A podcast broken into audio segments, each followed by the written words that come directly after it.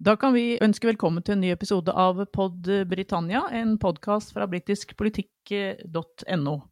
Ja, fordi det da skjer så mye i Nord-Irland for tiden, så eh, tar vi opp denne episoden eh, litt tidligere i uka enn det vi pleier, og sender den på en tirsdag istedenfor en fredag. Det har altså den siste tiden vært eh, flere voldelige opptøyer i Nord-Irland, og vi skal prøve å forklare litt om hva som ligger bak. Jeg heter Trine Andersen, og med meg har jeg mine to medredaktører, Øyvind Brattberg og Erik Mustad. We shall never surrender. The pride in who we are is not a part of our past.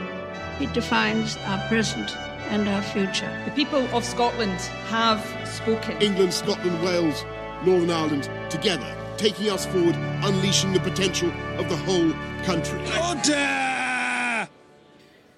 Ja, igjen så har vi da sett bilder fra Belfast av brennende biler, steinkastende ungdommer og et massivt politioppbud. Og politiet sier at dette er de verste sammenstøtene faktisk eh, på flere år. Og dette er jo bilder vi hadde håpet vi ikke skulle fått sett igjen. Men eh, Erik, eh, jeg begynner med deg. Du har jo vært mye i Nord-Irland og har fulgt nordirsk politikk i flere tiår.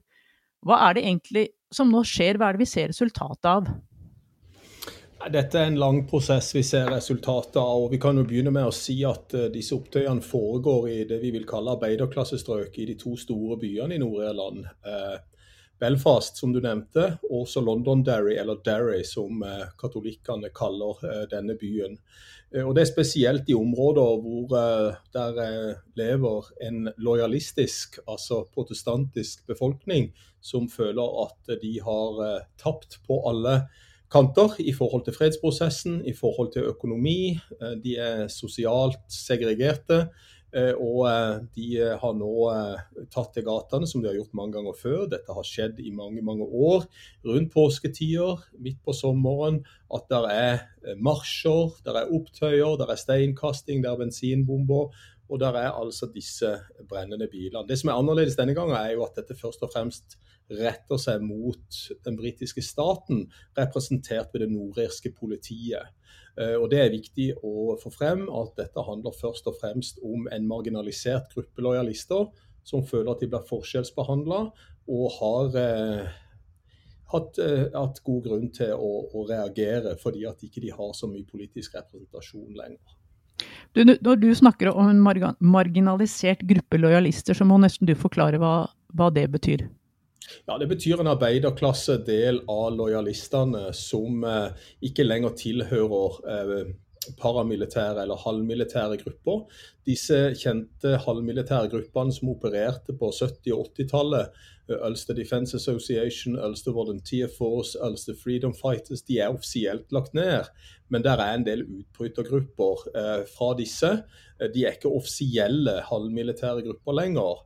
Men det er altså et nettverk av lojalister eller protestanter på, eh, på, eh, på dette området som, som, også driver med kriminell aktivitet, og som ønsker å fortsette eh, opprøret både mot Storbritannia eh, og ønsker å, å eh, ikke legitimere fredsprosessen som, som har skapt relativ fred i Nord-Irland de siste 15 årene. Når du snakker om lojalister, protestanter, så er det altså disse som ønsker å forbli i en union med Storbritannia. Det er også viktig å understreke her. Ja, det er viktig å understreke at de ønsker å være lojale til den britiske krone, eller at de ønsker å være i union med Storbritannia. Og det er litt forvirrende terminologi her, for de vi kunne kalle protestanter før i tida, de kan vi ikke kalle protestanter lenger. Så vi må kalle de lojalister eller unionister, de som ønsker å forbli i unionen. Og et flertall av eh, lojalistene ønsker enda å forbli i union med Storbritannia. Men Øyvind, her har jo også, det vi har sett i de siste, siste dagene, så har også brexit også spilt en rolle. Kan du forklare hvorfor, har, hvorfor brexit nå virker inn her? Ja, Gjennom uh, disse årene med, med, forhandlinger omkring Storbritannias utmelding av EU, så var det jo et tilbakevendende hensyn og en frykt. Ikke bare var det en diskusjon om hvordan man rent teknisk og praktisk skulle løse dette med den irske grensen.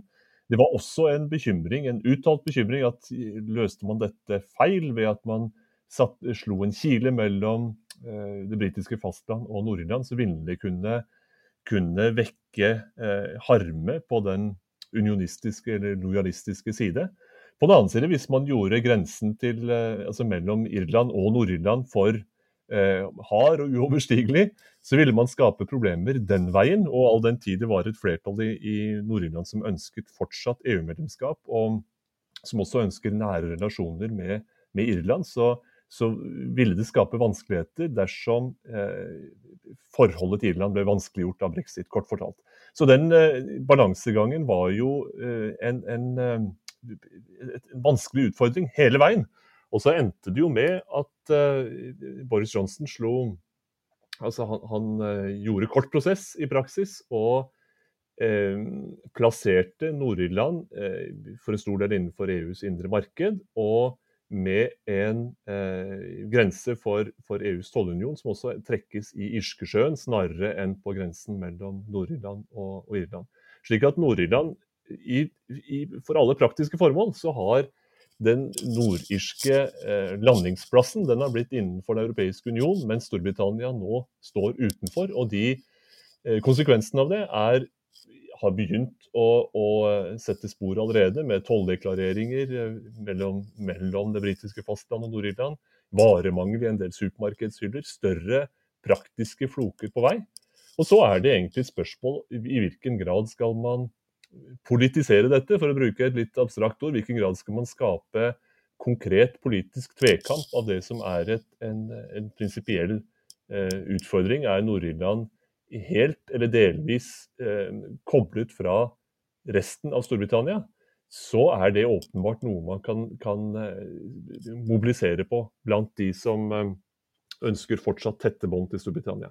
Så for å gjøre en lang og, og komplisert historie kort, det har åpenbart eh, sammenheng med eh, måten brexit har blitt gjennomført på, rett og slett fordi det er en enkel, eh, ganske så, så konkret måte å si på at vi har blitt sveket av Storbritannia på vei ut av EU. Vi har blitt stående fast i noe vi ikke ønsker oss. Og dermed er det skapt en ubalanse innenfor den uh, skjøre nordirske freden. Ja, Erik, men det er litt vanskelig å forstå dette her med, med altså, Brexit har nok spilt en rolle her, men når, når, vi ser på disse opptøyene, da spesielt fra Belfast, så er det jo også ungdommer helt ned i 12-13-årsalderen som kaster stein på politiet det, det, er jo vanskelig å forstå at de skal være forbanna på brexit. Her må det jo ligge noe helt annet under, som du eh, vel startet med, å si litt her til, å begynne med?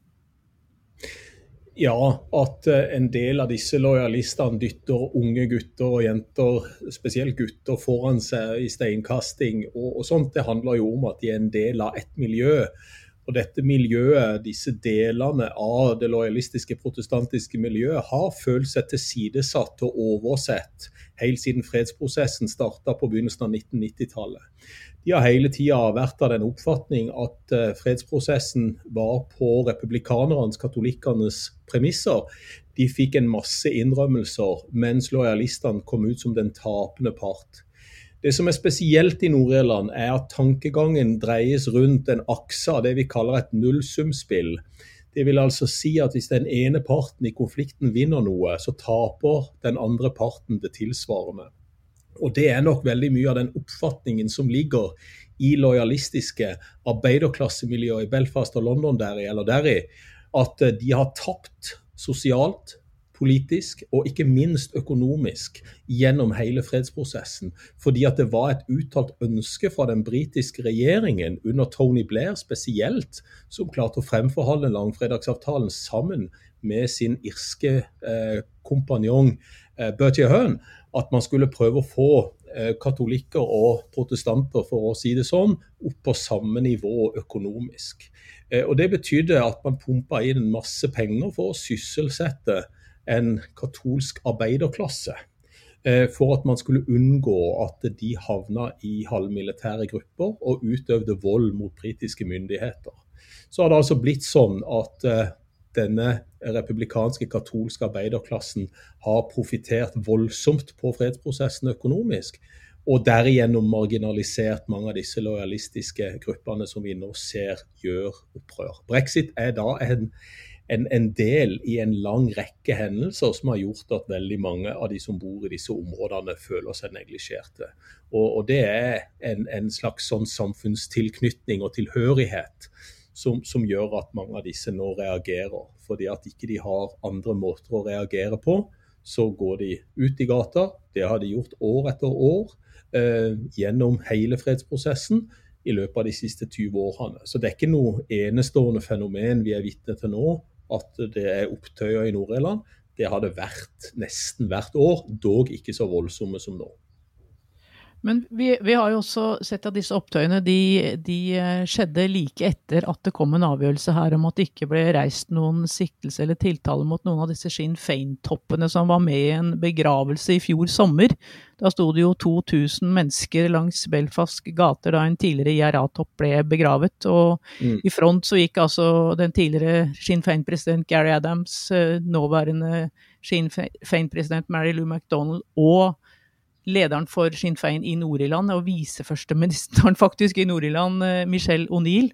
Og det ble jo sagt at eh, etter denne, denne, begravelsen så snakket rett og slett ikke Nord-Irlands førsteminister eh, Alan Foster med sin nestkommanderende Michelle O'Neill. Så det var vel en begravelse som da ødela mye, og som da tente en gnist nå i, i påsken. Er det en rett analyse? Ja, absolutt. Og dette her har jo vært da igjen et ledd i at lojalistene, protestantene, føler seg urettferdig behandla. For like før denne begravelsen så var det et stort nettverk av disse lojalistene som bedrev kriminell aktivitet, som ble eh, tatt av politiet.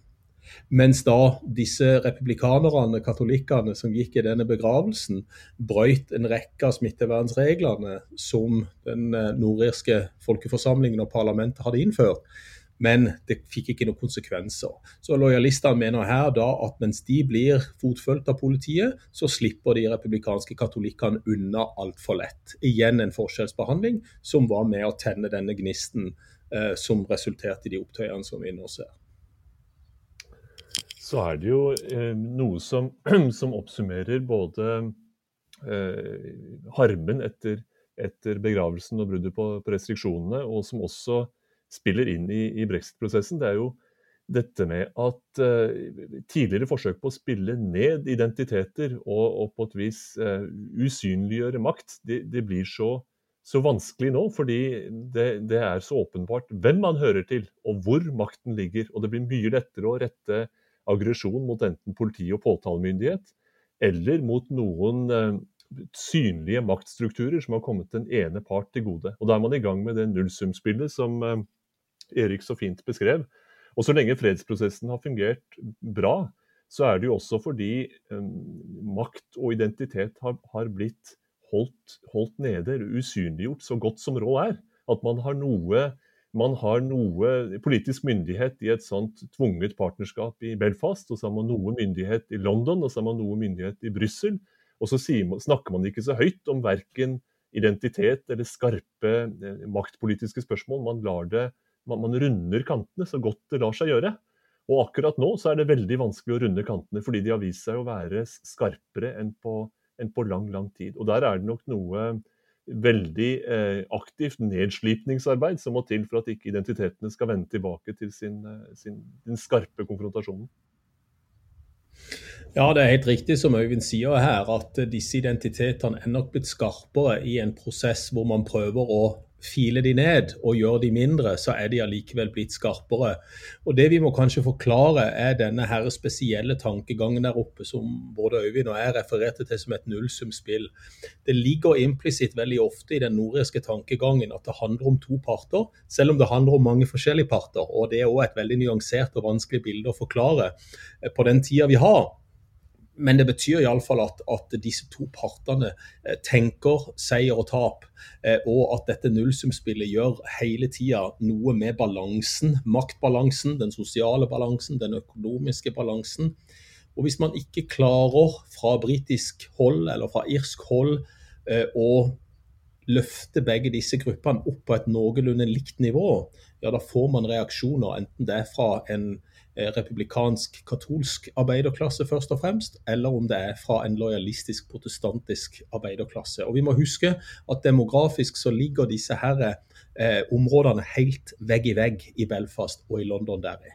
Det er eh, fredsmurer som skiller disse eh, områdene.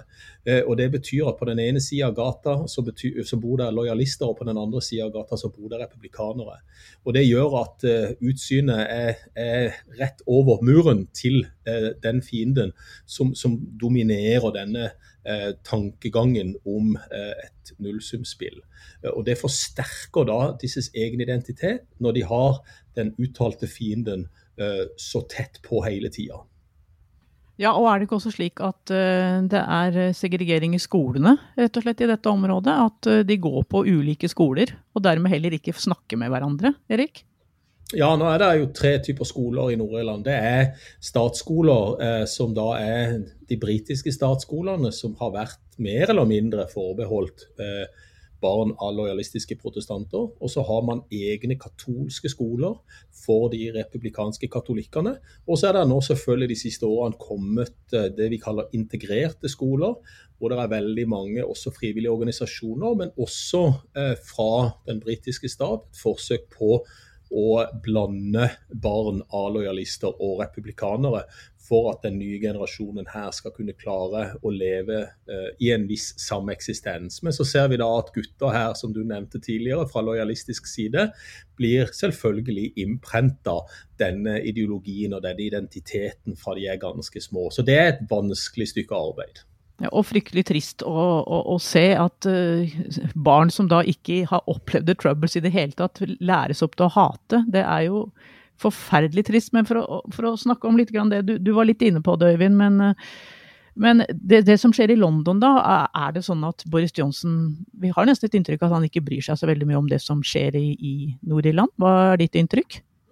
Det er jo et, et uh, veldig interessant perspektiv. Nettopp det. Hva, hvordan ser det nordirske ut fra London?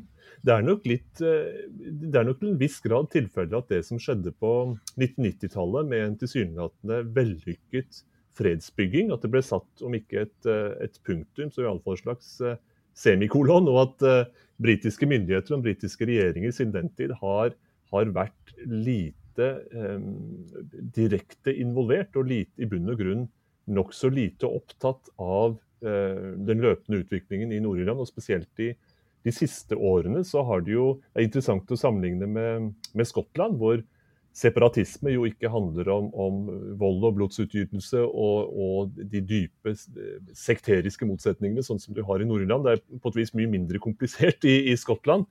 Men oppmerksomheten i London er også kolossalt mye sterkere rettet mot, mot det skotske spørsmålet og eh, skotsk selvstendighetstrang og de konsekvenser det har for den britiske unionen. Nord-Irland er, eh, er, behandles som en noe som er en britisk besittelse, men som ikke fordrer verken daglig oppmerksomhet eller oppfølging, eller heller ikke er en så kjent og kjær og viktig bestanddel i den britiske unionen. Den ligger mer i en i en eh, bakevje der på den andre siden av, av Irskesjøen. Og Det er nok i alle fall den oppfatningen som etter hvert også vekker såpass mye aggresjon blant de i Nord-Irland som ønsker fortsatt tilhørighet til den britiske unionen. Se på oss, vær, vær med oss og gi oss, gi oss det som, eh, som, vi har fortjent. Eh, og, og, dersom man ikke hører på argumenter, så, så kommer det andre og mer aggressive signaler i stedet. Så det er nok i alle fall en oppfatning i deler av uh, Nord-Irland om at London og britiske regjeringer, og kanskje spesielt nå, at, at, oppmerksomheten om det nordirske er, er, for liten. Forståelsen om det nordirske er altfor liten. Er du enig i det, Erik? Ja, det har nok vært en holdning i, i London at Nord-Irland på mange måter seiler sin egen sjø, fordi at man fra Londons perspektiv ser fredsprosessen som vellykka. Eh, og eh, Nord-Irland er 100 år i år. Nord-Irland ble oppretta i 1921. Eh, og jeg tror ikke det er grunn til å si at de feirer 100 år, men at de iallfall markerer 100-års perspektivet eh, i, eh, i, eh, i, år. Men det er nok lite kjennskap til identitet og folkegrupper i Nord-Irland fra London. Og når det ble veldig mye snakk om den irske grensa i brexit-prosessen, ja, det var jo veldig få representanter fra den britiske regjeringen som i det hele tatt var besøkte grenseovergangene på den irske øya. Så her er jo en del av problemet også at disse lojalistiske protestantene som vi nå har snakka om, ja, de føler seg eh, sveket, de føler seg holdt for narr eh, og løyet til av den britiske regjeringen. Og Det er jo ikke noe godt fundament for å bygge en bro mellom den britiske regjeringen og disse lojalistiske protestantene. For vi må huske at det var hovedårsaken til at Nord-Irland ble oppretta i 1921. Nemlig at man måtte finne en løsning for de protestantene som man da kalte de på den irske øya. Og man lagde på en måte en protestantisk stat, Nord-Irland, i 1921, med alle de komplikasjonene det innbefatta. Men ser vi noen løsning på dette her? Hva, hva, tror vi må skje for at ikke dette skal gjenta seg hvert eneste år eller hver eneste påske? Erik, Nei, det, det, ja, altså dette gjentar seg hver eneste påske. fordi at nå går vi inn i den såkalte marsjsesongen. Hvor det er diverse grupper både på katolsk eh, republikansk side og på lojalistisk protestantisk side som er ute og marsjerer i gatene. Dette er en veldig lang nordirsk tradisjon, og det er ikke bare denne litt merkelige oransje ordenen som vi kanskje kjenner best her i Norge som marsjerer. Masse forskjellige losjer på begge sider kirker, kirkesamfunn som er ute og marsjerer i gatene. Og vi vet jo at veldig mange av disse marsjene oppleves som provoserende av den andre sida. Eh, og dermed så har det jo vært sammenstøt, spesielt rundt den siste marsjen som går inn i Belfast den 12. juli. Vi har også i forbindelse med påske hatt mye opptøyer i Nord-Irland. Dette handler jo om tradisjonene langt tilbake til påskeopprøret i 1916. Så her er det veldig mange historiske referanser som det nordirske samfunnet holder i hevd. Og i Nord-Irland pleier vi jo å si at eh, man kan ikke forstå det nordirske samfunnet eh, helt og fullt hvis ikke man forstår den nokså trøblete hundreårshistorien som provinsen har gått gjennom. We shall never surrender.